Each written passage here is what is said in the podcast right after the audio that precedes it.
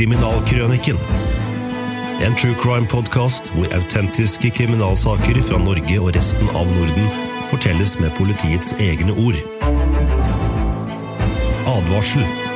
Denne podkasten inneholder sterke skildringer som kan virke støtende for noen.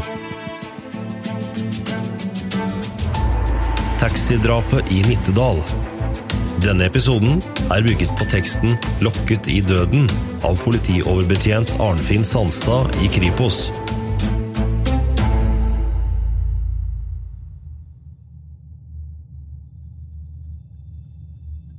Scenen kunne vært hentet ut av en hvilken som helst kriminalfilm, men den var på ingen måte naturlig eller vanlig i Oslo natt til en onsdag i slutten av januar 1999.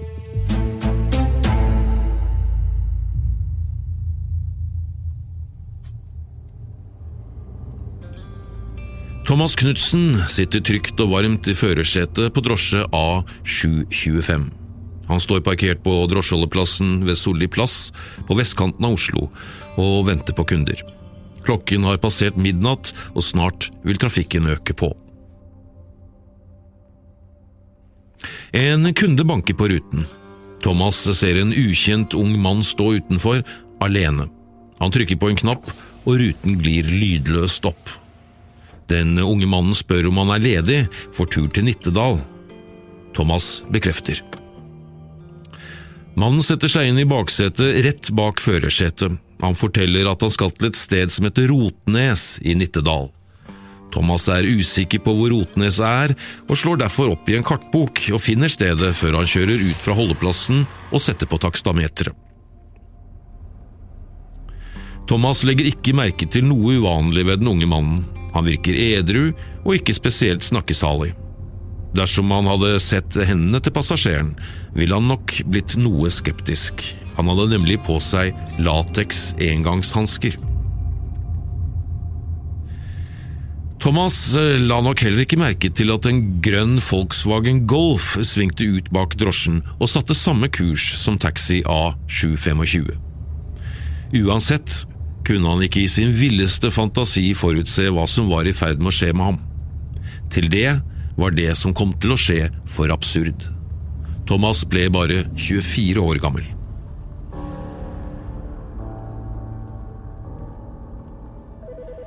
Klokken 03.58 onsdag den 27. januar 1999 ringte et avisbud til Romerike politikammer og fortalte at taxi A725 sto med motoren i gang og lysene tent nær krysset Gamleveien Rusveien på Rotnes i Nittedal. Sjåføren satt bak rattet og var tilsynelatende død. Avisbudet, Kari Aronsen, ble bedt om å bli på stedet til politiet ankom. Kari var godt voksen og hadde opplevd mye i sitt liv, men dette likte hun ikke. Det var midt på natten, i et relativt øde område, og hun følte seg langt fra trygg. Likevel fulgte hun lojalt påbudet fra politiet og holdt ut. Etter ca. 20 minutter kom den første politibilen. Kari kunne endelig puste lettet ut.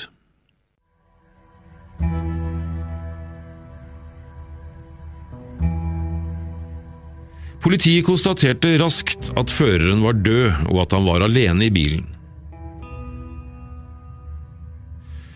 Avdøde hadde et sår i bakhodet under høyre øre, som kunne være et skuddsår.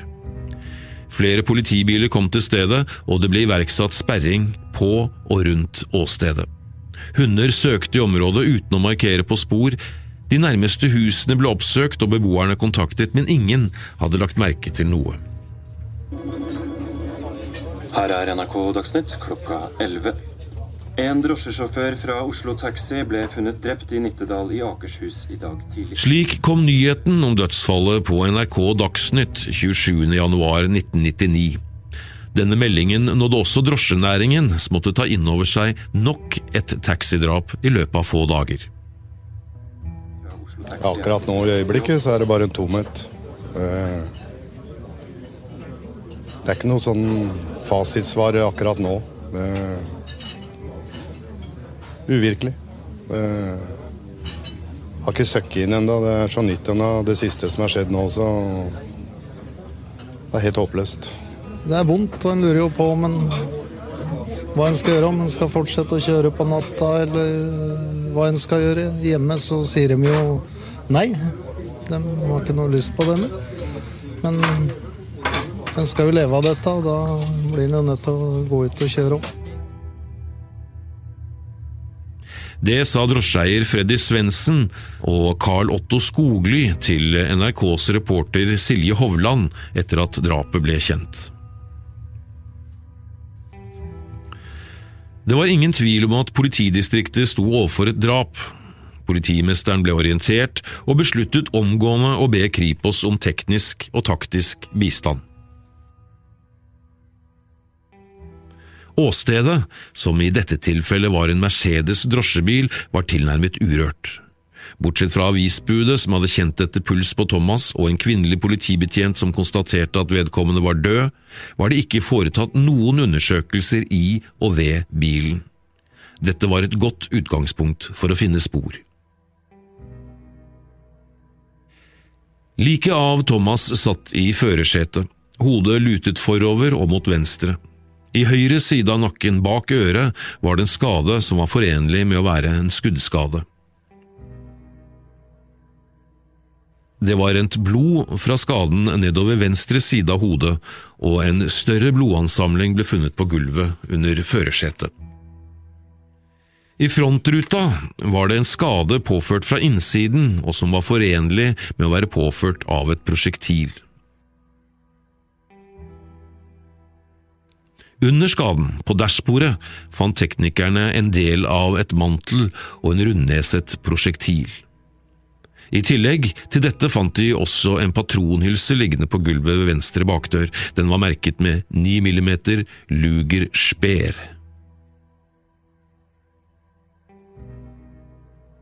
Etter at undersøkelsene i bilen var ferdig, ble området ved bilen og i en omkrets av ca. 200 meter grundig undersøkt. I gamleveien, i overkant av 30 meter fra rusveien, ble det sikret en sigarettstump som skulle vise seg å få betydning for saken. I obduksjonen ble det funnet inngangsåpning i nakken og en utgangsåpning i kinnet fra et prosjektil. Ingen andre tegn til ytre vold ble funnet. Under undersøkelsen ble det samtidig funnet flere tusen kroner i kontanter, både i brystlommen på jakken Thomas hadde på seg, og i en rumpetaske. Dette var en klar indikasjon på at Thomas ikke var utsatt for et ran. Utpå ettermiddagen, onsdag 27. januar, ankom også taktiske etterforskere fra Kripos, som skulle bistå Romerike politikammer. Ved siden av en rundspørring ble det innledningsvis prioritert å skaffe oversikt over Thomas' bevegelser det siste døgnet. Familie, venner og kolleger ble avhørt. Det ble tidlig klart at A725 etter all sannsynlighet hadde kjørt siste turen fra Solli plass, og Oslo politidistrikt ble anmodet om å bidra med undersøkelser ved og rundt Solli plass. Ja, god kveld. Dagsrevyen onsdag begynner i Nittedal, der en mannlig drosjesjåfør i 20-årene ble funnet skutt og drept i firetiden i morges. Taxisjåførene reagerer sterkt over dette andre drapet på en sjåfør på kort tid, og politiet etterlyser nå vitner som kan hjelpe til med å oppklare drapet. Drosjesjåføren ble funnet i førersetet tidlig i morges på en avsidesliggende stikkvei i Rotnes i Nittedal. I hele dag har Nittedal lensmannskontor og Kripos undersøkt åstedet og omegnen for å sikre seg spor etter drapsmannen. Vi eh, leter i hvert fall foreløpig etter enhjerningsmann. Og Hvordan tror dere vedkommende har kommet seg vekk fra åstedet? Det kan godt ha skjedd til fots. Eh, vi har ikke noe kunnskap om at det skal ha vært noe kjøretøy eh, i umiddelbar nærheten. Det sa Jon Letnes, politiinspektør i Romerike politikammer, til NRKs reporter Vigdis Wahl i Dagsrevyen 27.1.1999.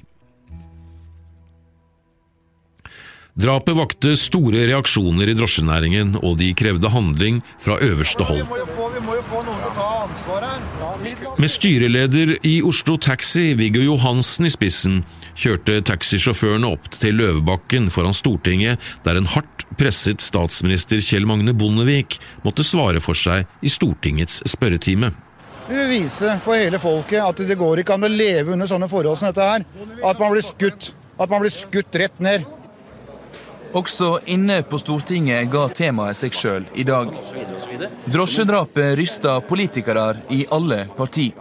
Først og fremst så går tankene til de som eh, er ramma av dette, deres pårørende, eh, familie. Og så eh, sier det meg at vi bare må gå videre med enda flere og effektive tiltak. Og i den munnlige spørretimen var det nettopp tiltak mot vold og kriminalitet opposisjonen kravde av statsministeren. Gjengkriminaliteten er bl.a. dessverre nokså utbredt blant innvandrerungdom. Sjøl skal jeg i midten av februar ha et møte med et representativt utvalg av ungdomsorganisasjoner blant innvandrere for å søke å komme rett inn i miljøet. Hvilke nye konkrete forslag utover et seminar i februar har statsministeren å komme med på disse områdene? Statsministeren ble pressa både fra høyre og venstre. Han slo tilbake, bl.a. ved å vise til sammenhengen mellom skjenketider, fyll og vold. Jeg tror det kunne være en fordel at vi blir enige om at fyll og vold fører til kriminalitet. Men statsministeren indikerer at dette løses så enkelt som å la utestedene stenge en time eller to tidligere. Det har han intet faglig belegg for. Regjeringa ble også kritisert for å øke politiløyvingene uten å gi mer til skolefritidsordning, barnevern og andre forebyggende tiltak. Jeg syns at eh, dette kanskje er noe dobbeltmoral. Jeg vil ikke anklage mine politiske motstandere og konkurrenter på den måten. Det syns jeg en kunne vært spart for. Når du starter med dobbeltmoral, så må du Og etter en kort oppvask på gangen med Grete Fossum forlot statsministeren stortingsbygningen. På utsiden får de ventende drosjesjåførene vite at statsministeren er dratt, uten at de fikk snakke med ham. At Bondevik har gått bakveien, ja det stemmer vel kanskje ganske bra. De fleste politikere går bakveien hos oss. Politikere flyr rundt med målebånd og måler bustabuer mens våre kollegaer blir mishandla og drept. Sinte forlater drosjesjåførene Stortinget, noe de markerer høylytt. Vi hørte styreleder i Oslo Taxi, Viggo Johansen, og leder for Transportarbeiderforbundets drosjegruppe, Tore Løkkeberg, uttale seg til NRK. I enhver drapssak med fokus fra media mottar politiet mange tips fra publikum. I noen saker har slike tips vist seg å være avgjørende for at saken ble oppklart. Samtidig kommer det også inn en rekke tips som er basert på rene spekulasjoner, og tips som er useriøse.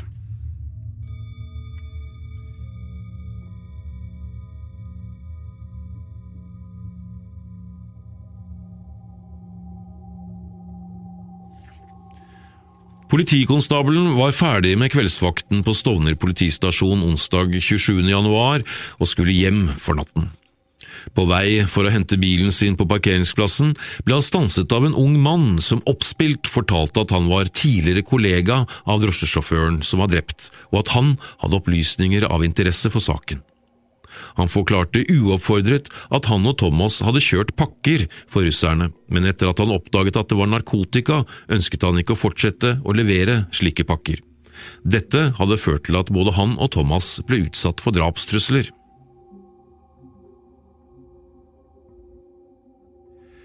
Politikonstabelen syntes mannen oppførte seg merkelig, men ba likevel om at han tok kontakt med Romerike politikammer, som etterforsket saken. Mannen sa at han het Bjørn Arild, og at han bodde i Oslo. Samme natt, klokka kvart på tre, meldte Bjørn Arild seg på vakta i Lillestrøm og gjentok historien sin. Opplysningene ble notert ned som et tips, og Bjørn Arild fikk beskjed om at han måtte forvente å bli kontaktet for nærmere avhør senere. Tipset fra Bjørn Arild i Oslo fanget umiddelbart etterforskningsledelsens interesse. Enten sto man overfor en person som ønsket å gjøre seg interessant, og som ikke kunne tilføre saken noe som helst, eller man hadde et spor som var aktuelt å etterforske. Det var enighet om at opplysningene skulle følges opp uten at det gikk utover bredden i etterforskningen. Bjørn Arild ble avhørt som vitne senere samme dag.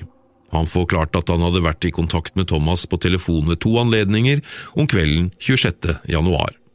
Thomas var opprørt og ønsket å treffe Bjørn Arild. De avtalte og møttes på Statoil-stasjonen i Trondheimsveien klokka halv fem natt til 27. januar. Men Thomas dukket ikke opp.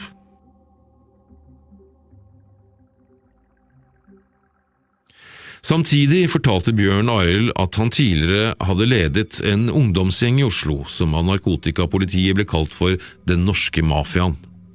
De drev med torpedovirksomhet og kurervirksomhet i narkotikamiljøet. Han kom seg ut av dette etter at han begynte å kjøre drosje. Bjørn Arild var selv 22 år gammel. I slutten av 1997 begynte han å kjøre pakker for noen russere i og rundt Oslo. For noen måneder siden gikk det hull på en pakke, og det viste seg å være kokain. Bjørn Arild kastet pakken ut fra bilen da det gikk opp for ham hva han kjørte rundt med. Dette førte til at han ble truet på livet. I november 1998 ble han forfulgt av to russiskregistrerte Mercedes personbiler på E18, hvor en passasjer i den ene bilen viste frem et automatvåpen og tok ladegrep, slik at Bjørn Arild så det. Han kom seg unna ved å vrenge bilen av E18 ved Skøyen uten at de andre bilene klarte å følge etter. Etter dette hadde Bjørn Arild sluttet å kjøre drosje og holdt seg stort sett hjemme. Han bodde nå hjemme hos sin mor fordi ytterdøra i leiligheten hans ble skutt i stykker. Thomas fortalte til Bjørn Arild at han også kjørte pakker for noen russere. Bjørn Arild fortalte hva pakkene inneholdt og ba ham om å kutte ut kjøringen. Dette gjorde Thomas, og etter dette hadde de ikke kontakt før Thomas ringte om kvelden den 26. januar. Cirka en halv time etter at han ble kjent med drapet via nyhetene, ble Bjørn Arild oppringt med beskjed om at han hadde flyttet seg fra nummer 37 til 36 på listen over de som skulle likvideres. Han var derfor bestemt på at Thomas var drept av den russiske mafiaen. Spesielt i en drapsetterforskning er det av stor betydning å etterspore alle opplysninger som kommer inn. På den måten får politiet bedre kontroll og oversikt over saken. I og med at Bjørn Arild hadde oppgitt å ha vært i telefonisk kontakt med Thomas, var det viktig for politiet å få dette bekreftet. Det var ønskelig å få hans samtykke til å hente ut telefonutskrifter i det aktuelle tidsrommet. Det ble avtalt et nytt avhør søndag 31. januar. Undersøkelser med Oslo politidistrikt ga ingen holdepunkter for at Bjørn Arild virkelig hadde vært leder av en kriminell ungdomsgjeng. Politiet kunne ikke være sikre, men festet ikke særlig lit til det han fortalte om narkotikatrafikk heller. Lørdag 30. januar ble politiet kontaktet av en journalist i Dagbladet som ønsket opplysninger om en kilde. Mannen hadde opplyst å ha vært inne til vitneavhør i saken. Kilden skulle være i besittelse av våpen. På bakgrunn av journalistens opplysninger var det sannsynlig at det dreide seg om Bjørn Arild. Senere samme dag opplyste journalisten at våpenet skulle være en pistol kaliber 9 mm av typen Para-ordnans, modell P18, med serienummer ZF1132. Bjørn Arild lot seg avbilde i avisen med våpenet.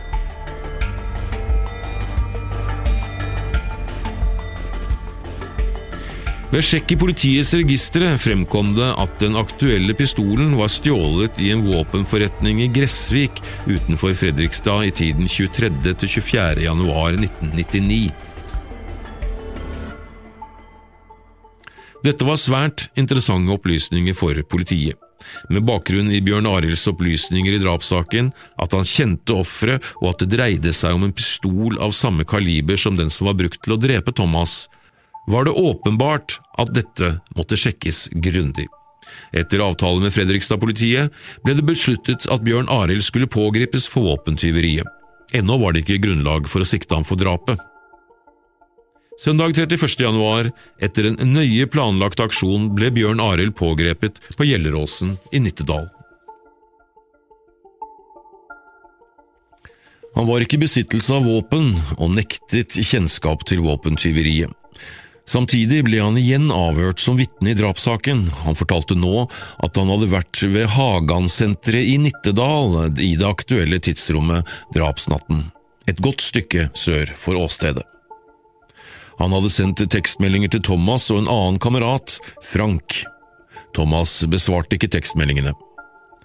Når det gjaldt våpenet som han lot seg avbilde med i Dagbladet, opplyste han å ha fått låne det av en jugoslav som het Shamal, men at det nå var levert tilbake. Til tross for ransaking både i bilen til Bjørn Arild og hjemme hos ham, ble det ikke funnet noe som kunne knyttet ham til våpentyveriet. Mandag 1. februar ble Bjørn Arild overført til Fredrikstad politikammer. Dagen etter gjennomførte politiet en fotokonfrontasjon, hvor han ble plukket ut av innehaveren av våpenforretningen. Før innbruddet hadde nemlig to personer som ønsket å se på tilsvarende våpen, besøkt forretningen, og innehaveren mente å gjenkjenne ham. Dette, sammen med andre opplysninger, førte til at Bjørn Arild ble varetektsfengslet for to uker i våpensaken.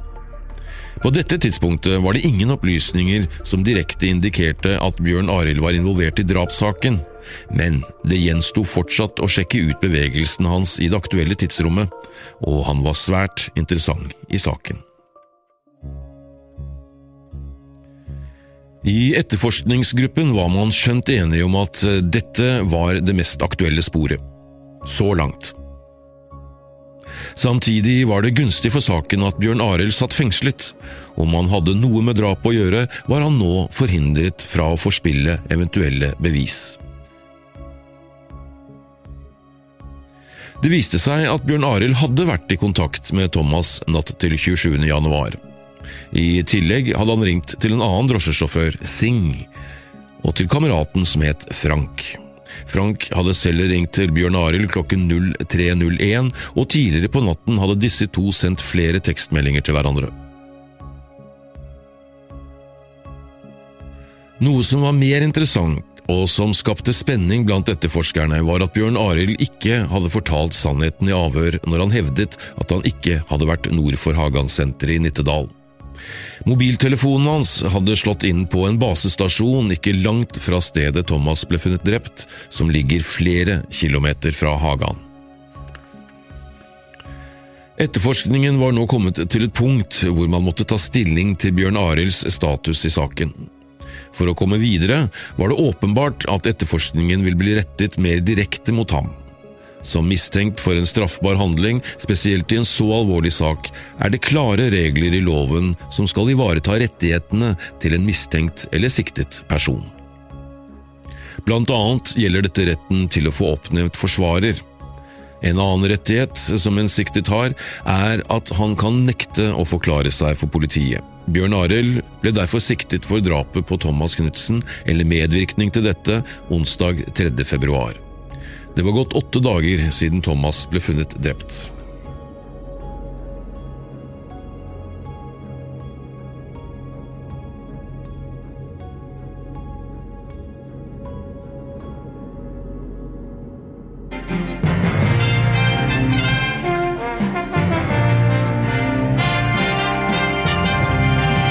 Drosjedrap er oppklart, mener politiet, som har sikta en 22 år gammel mann for drapet. God kveld. Politiet har altså sikta en 22 år gammel mann for drapet på drosjesjåføren Thomas Knutsen i Nittedal. 22-åringen ble fengsla i går. Han har flere ganger vært avhørt som vitne etter drapet. Det er nå en uke siden den 24 år gamle drosjesjåføren Thomas Knutsen ble skutt og drept i Nittedal. I dag har politiet siktet en 22 år gammel mann, som også er drosjesjåfør, for drapet. Politiet har nå siktet en person for drapet på Thomas Knutsen, eller at vedkommende har medvirket til drapet på Thomas Knutsen. Politiet er av den klare oppfatning at siktede har forklart seg uriktig med hensyn til sine bevegelser i et meget sentralt tidsrom. Dette baserer seg bl.a på opplysninger politiet har fått fra mobiltelefonselskapene, sammenholdt med siktedes forklaring som vitne i saken. Kan man vente flere arrestasjoner i eh, denne saken? Det kan vi ikke utelukke. Det sa Jon Letnes, politiinspektør i Romerike politikammer til NRKs Silje Hovland på en pressekonferanse 3. februar 1999. Det var knyttet stor spenning til avhøret av drosjesjåføren som Bjørn Arild hadde ringt drapsnatten. Singh kunne sitte inne med verdifulle opplysninger, han kunne til og med være innblandet. For sikkerhets skyld ble han oppsøkt hjemme og tatt med inn til avhør. Til å begynne med i avhøret var det opplagt at Singh ikke fortalte sannheten. Han ble inngående forklart hvor alvorlig det ville være for ham å holde tilbake opplysninger som kunne ha betydning for saken, og etter en stund innrømmet han at Bjørn Arild hadde ringt ham sent på drapsnatten, hvor han hadde forklart at han hadde tatt livet av Thomas i drosjen.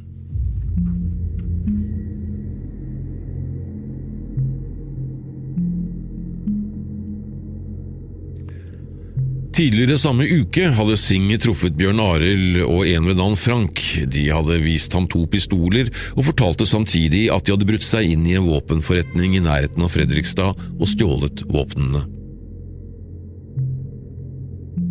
Umiddelbart etter avhøret av Singh ble Oslo politikammer kontaktet og bedt om å undersøke om opplysningene til drosjesjåføren kunne verifiseres. Mange kjøretøyer blir rutinemessig kontrollert i løpet av en natt i Oslo, og sjansen for at politifolkene husket akkurat denne kontrollen var kanskje ikke så stor. Det viste seg imidlertid at politifolkene i Oslo husket episoden godt. De hadde stanset og kontrollert to personer i Sandegata i en grønn Volkswagen Golf personbil ca. klokka fire om natten. Papirene til sjåføren var i orden, og personalia ble derfor ikke notert. Passasjeren opplyste at han hadde søvnproblemer av at han tidligere hadde vært utsatt for et ran. Som en følge av forklaringen til Singh ble det besluttet å pågripe Frank for våpentyveriet i Fredrikstad. Torsdag 4. februar tidlig på morgenen ble Frank pågrepet hjemme av bevæpnede mannskaper fra Oslo politikammer. Pågripelsen skjedde helt udramatisk. Den 22 år gamle mannen som er sikta for drapet på en drosjesjåfør, nekter for at han har noe med drapet å gjøre. Men han vedgår at han var i Nittedal i den tida da sjåføren ble drept. Advokat Morten Kjensli har i dag sittet i møte med den 22 år gamle tidligere drosjesjåføren som er siktet for å ha drept eller medvirket til drapet på drosjesjåføren Thomas Knutsen i Nittedal i forrige uke. Han bestrider å ha hatt noe med dette drapet å gjøre. Han bekrefter at han har vært i Nittedal, men sier at han har intet med saken å gjøre. Hvordan reagerer han på denne siktelsen? Det er klart at det er dramatisk for ham, men under de forutsetninger han nå befinner seg, så syns jeg han tar hele situasjonen med fatning. Men han eh, nekter skyld? Ja, han bestrider at han i det hele tatt har noe med det å gjøre. Hvordan vil du karakterisere det grunnlaget politiet har for denne siktelsen? I den utstrekning jeg har blitt orientert om saken i dag fra Kripos sin side, så er ikke det grunnlaget altfor sterkt, slik saken nå står. Og Det blir jo særdeles spennende å se hvordan saken utvikler seg de ti dagene, ti-tolv dagene som er igjen av den fengslingsperioden. Det sa Bjørn Arilds advokat Morten Kjensli til NRKs reporter Silje Hovland. I drosjemiljøet er uroen for egen trygghet stor, selv om den politiet nå mener står bak drapet, er en av deres egne kollegaer. Styreleder i Oslo Taxi, Viggo Johansen, sa dette til Dagsrevyen den 4. februar. Eh, vi setter eh, fingeren på den generelle volden som eh, både samfunnet og vi blir utsatt for, slik at vi opprettholder våre ti punkter overfor både Justisdepartementet, Samferdselsetaten osv. Så, videre. så mm, Så det skal vi ta vare på, slik som vi har gjort tidligere. Ingen planer er endret. I morgen skal Oslo-drosjene stå stille i en time fra 15.30, mens begravelsen til den avdøde sjåføren gjennomføres. Og fortsatt er det slik at svært mange av drosjesjåførene planlegger å komme i kirken. Og Politiet har i dag sikta enda en 22 år gammel mann for medvirkninga til våpentyveri i Fredrikstad, som den drapssikta også er sikta for.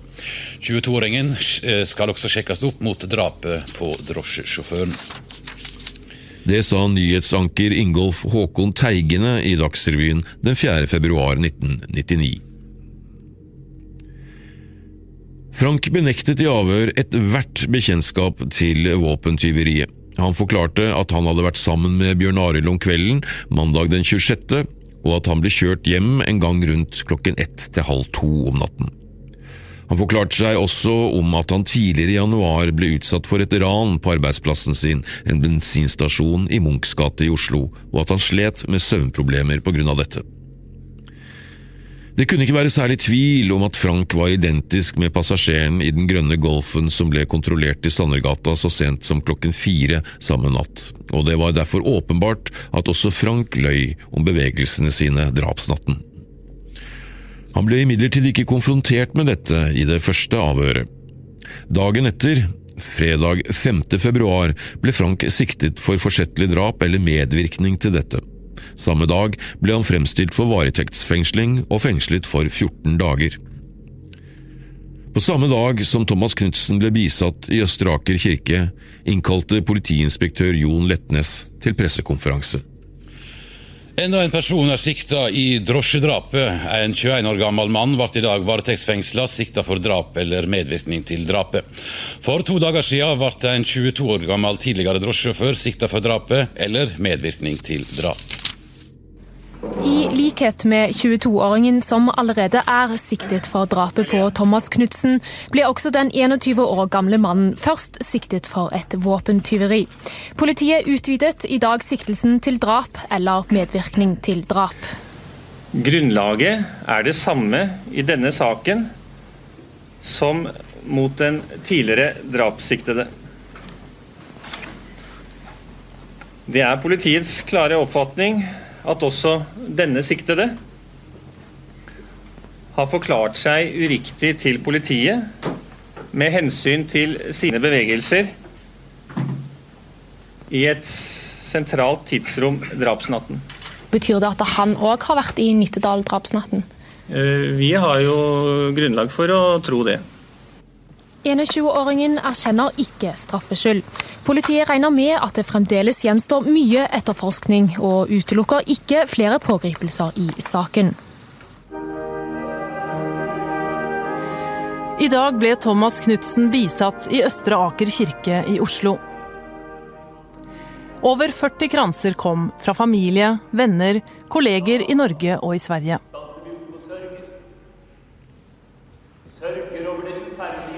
Blant de som holdt tale, var styreformannen i Oslo Taxi, Viggo Johansen. Vi lover også Thomas Knutsen, på lik linje med en annen drosjesjåfør vi hadde i denne kirken for kort tid tilbake, at vi vil fortsette vårt arbeid for å avgrense og sikre drosjesjåfører i Oslo og i resten av landet. Så på vegne av alle kollegaer, arbeidsgivere og alle jeg har snakket med i det siste, så vil jeg si til deg, Thomas, vi skal stå på for at ikke dette skal hende framover. Det sa Oslo Taxis Viggo Johansen i bisettelsen til sin drepte kollega.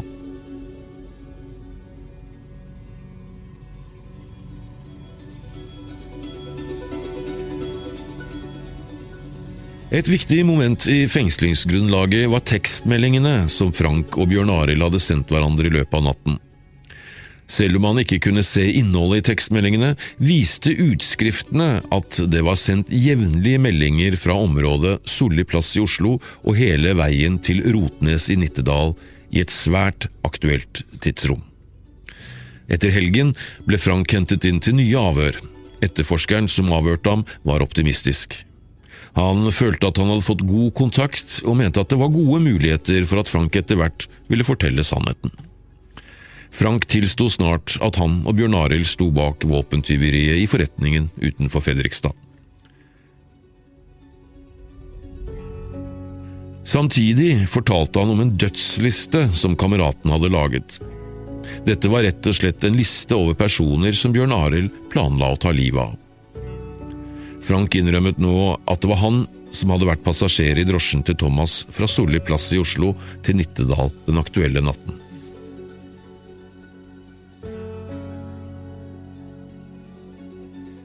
Ifølge Bjørn Arild hadde Thomas gjeld til russermafiaen, og dette måtte han snakke med ham om. Frank fikk derfor beskjed om å kjøre til Gamleveien i Nittedal. Bjørn Arild møtte opp i Gamleveien da Frank ankom med drosjen. Politiet følte nå at etterforskningen var inne i et riktig spor og at saken nærmet seg en oppklaring. De følte seg rimelig sikre på at de hadde pågrepet de rette personene, og nå gjaldt det å få detaljene på plass. Samtidig sto det klart at en ikke hadde klarlagt hvem som skjøt og drepte Thomas, og det hadde ikke avtegnet seg noe motiv. I tillegg var heller ikke drapsvåpenet funnet.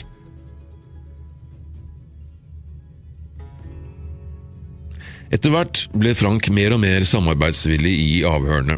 Han eh, fortalte at han hadde dumpet våpnene fra tyveriet i Fredrikstad i Drammenselva dagen før han ble pågrepet. En kamerat av ham, Bent, hadde hjulpet ham. Bent hadde oppbevart våpnene fra lørdag 30. januar. Frank var villig til å påvise stedet hvor han og kameraten kastet våpnene, han ble derfor tatt med på en kjøretur samme dag, og holdt hva han lovet. Neste dag fant dykkere fra Oslo politikammer en Browning-pistol kaliber 9 mm på angitt sted. Kunne det være drapsvåpenet de nå hadde funnet? Pistolen ble umiddelbart brakt til Kripos for nærmere undersøkelser.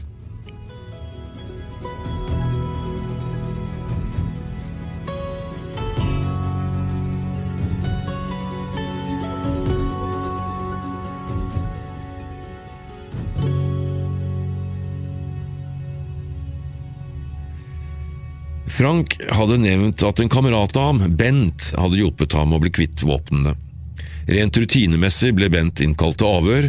Han reagerte med vantro da han fikk vite at Frank var siktet i drosjedrapet.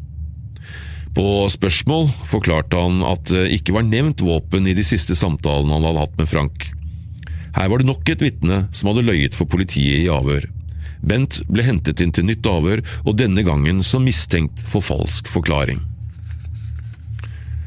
Nå skjønte Bent alvoret, og bekreftet at han hadde holdt tilbake opplysninger i det første avhøret. Grunnen var at han var redd for å bli innblandet. Bent visste at det var Frank som hadde skutt og drept Thomas. Dette hadde kameraten fortalt ham selv. Han bekreftet også at han hadde oppbevart en bag med våpen og blitt med Frank til Mjøndalen, hvor de kastet våpnene i Drammenselva. Neste dag, torsdag 11. februar, tilsto Frank at det var han som hadde skutt og drept Thomas Knutsen. Det var Bjørn Arild som hadde bedt ham om å gjøre det, og Frank følte seg presset til å gjennomføre drapet. Igjen kunne politiinspektør i Romerike politikammer ta plass foran pressekorpset. God kveld.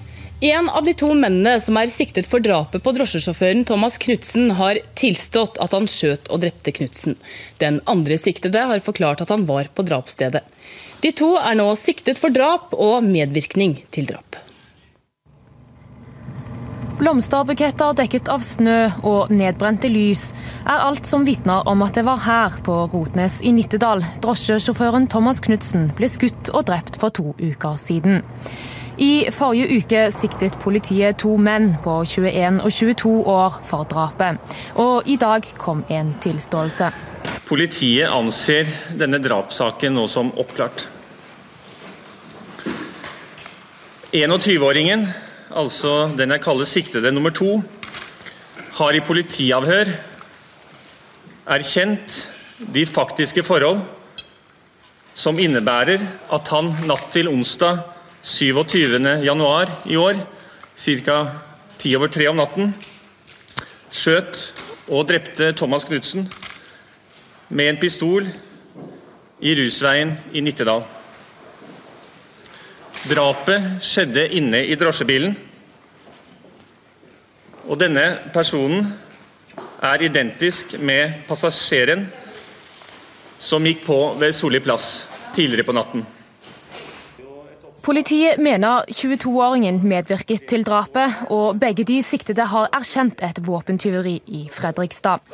21-åringen kvittet seg med våpnene etter drapet, men politiet har funnet det som sannsynligvis er drapsvåpenet. Det sa NRKs reporter Silje Hovland i Dagsrevyen 11.2.1999. Vi hørte også nyhetsanker Gunhild Viken. Etter 16 dagers intens etterforskning kunne man puste lettet ut. Saken var å anse som oppklart. Likevel gjensto det å få kontrollert opplysningene som Frank hadde kommet med i sin detaljerte tilståelse. Og håpet var også at man etter hvert skulle kunne få noen tekniske bevis som kunne styrke saken. Det gjensto også å få på plass Bjørn Arilds rolle i saken. Selv om Frank hevdet at det var Bjørn Arild som hadde bedt ham om å drepe Thomas, måtte dette bevises. Noe annet som opptok etterforskningsteamet, var ranet som Frank ble utsatt for på bensinstasjonen hvor han arbeidet. Med bakgrunn i det som nå var kommet fram, så man ikke bort ifra at han også kunne vært involvert i dette. Under avhør noen dager etter at Frank tilsto drapet, erkjente han at ranet var fingert. Han hadde planlagt dette sammen med Bjørn Arild, og det var kameraten som utførte ranet i gåseøyne. Motivet var selvfølgelig penger.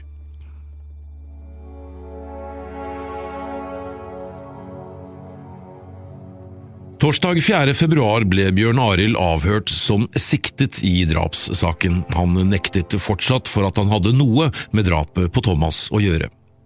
Etter å ha blitt gjort kjent med at mobiltelefonen hans var registrert brukt lenger nord i Nittedal, innrømmet han å ha kjørt til Nittedal stasjon etter å ha blitt oppringt av en ukjent mann som ba om et møte ved Hagan-senteret i Nittedal. Bjørn Arild forklarte videre at han dro til møtestedet, men den ukjente møtte ikke opp. Han kjørte derfor videre nordover og stanset ved Nittedal stasjon, hvor han satt i bilen og spilte musikk og sendte tekstmeldinger fra sin telefon. Den ukjente mannen så han ikke noe til. Noen dager senere valgte Bjørn Arild å tilstå våpentyveriet i Gressvik. Sammen med Frank stjal han blant annet to pistoler, begge av kaliber 9 millimeter. De hadde senere prøveskutt pistolene ute ved Ingerstrand like utenfor Oslo. Bjørn Arild var opptatt av å fortelle om hans og Thomas' kontakt med den russiske mafiaen. Et navn som gikk igjen, var Alexandro. Han var leder og var ofte å se på restaurant Baronen i Oslo. Etter hvert innrømmet også Bjørn Arild at han visste mer om drapet enn det han tidligere hadde forklart.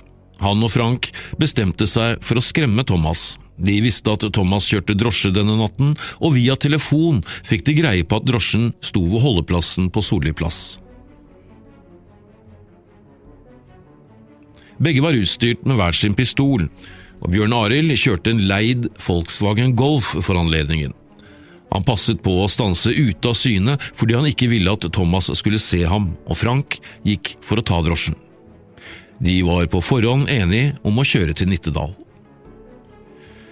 Bjørn Arild kjørte etter drosjen til Rusveien i Nittedal, hvor den stanset. Før han rakk å gå bort til drosjen, hørte han et smell, og Frank kom gående bort til bilen hans. Bjørn Arild hevdet hardnakket at han ikke skjønte hva som hadde skjedd før han fikk høre om drapet på nyhetene i radioen neste ettermiddag. Etter at Bjørn Arild ble konfrontert med at Frank hadde tilstått, og at han hevdet at det var Bjørn Arild som ba ham om det, endret han forklaringen sin nok en gang. Han erkjente at han sammen med Frank hadde utarbeidet en irritasjonsliste hvor Thomas også var satt opp. Årsaken til at Thomas sto på lista, var rett og slett fordi han skrev utrolig mange meldinger på drosjens dataanlegg. I tillegg til at han var nysgjerrig.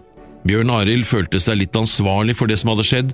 Han hadde nemlig på fleip sagt til Frank at han kunne skyte Thomas, men han hadde aldri trodd at Frank ville gjennomføre drapet.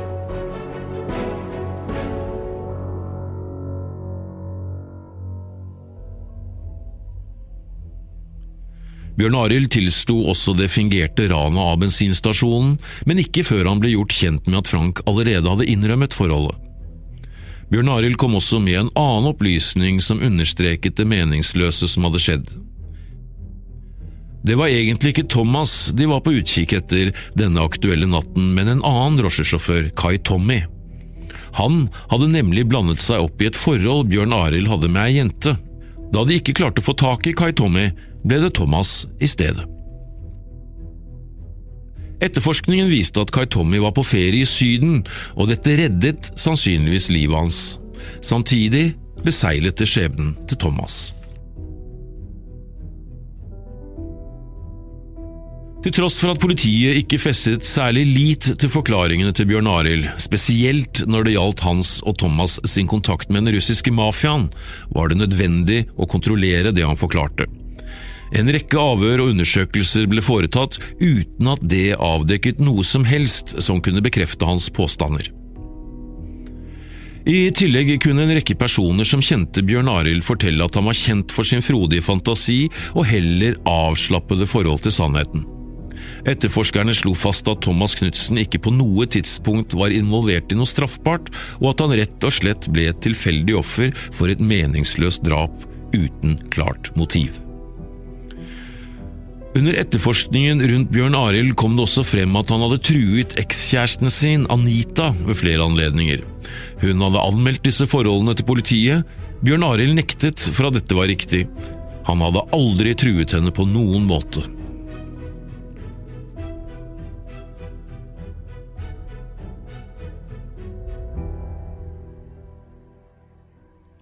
Det var knyttet store forventninger til undersøkelsene som pågikk hos Kripos.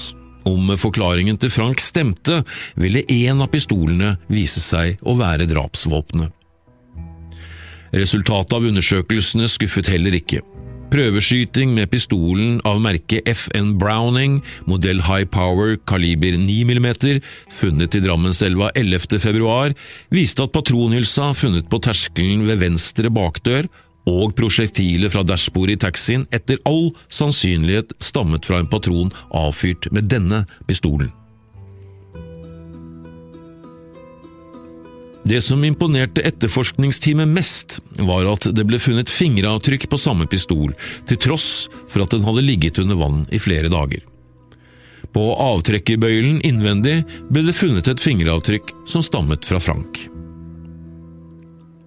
Det viste at Frank ved minst én anledning hadde tatt i pistolen. Det vitner om grundighet, og at ingenting blir tatt for gitt når fingeravtrykksavdelingen på Kripos søkte etter fingeravtrykk på pistolen, når sannsynligheten var stor for at alle spor var vasket vekk.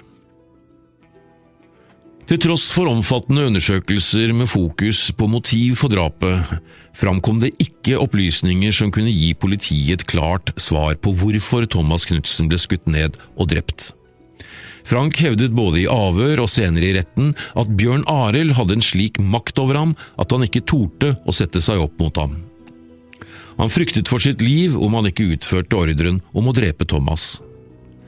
Fra å være et ubeskrevet blad når det gjaldt kriminelle handlinger, utviklet 21-åringen seg i løpet av uker til først å delta i et fingert ran, deretter innbrudd, og så til sist skyte ned og drepe et for ham totalt ukjent menneske.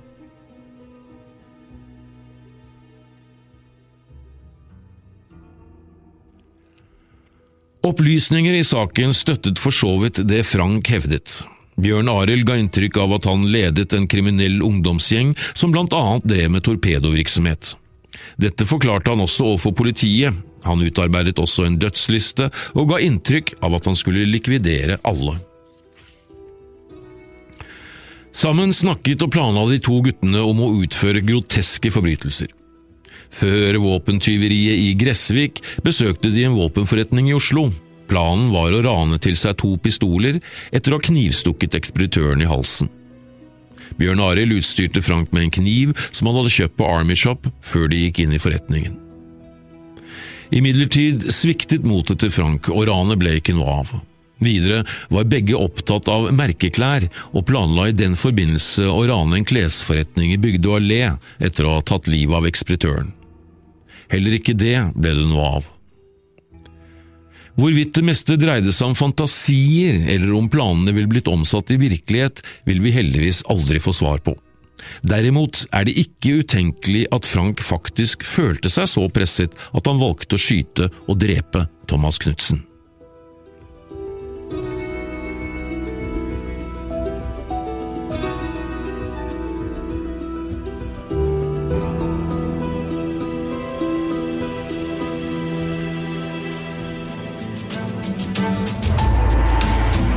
Har hørt Taxidrapet i Nittedal.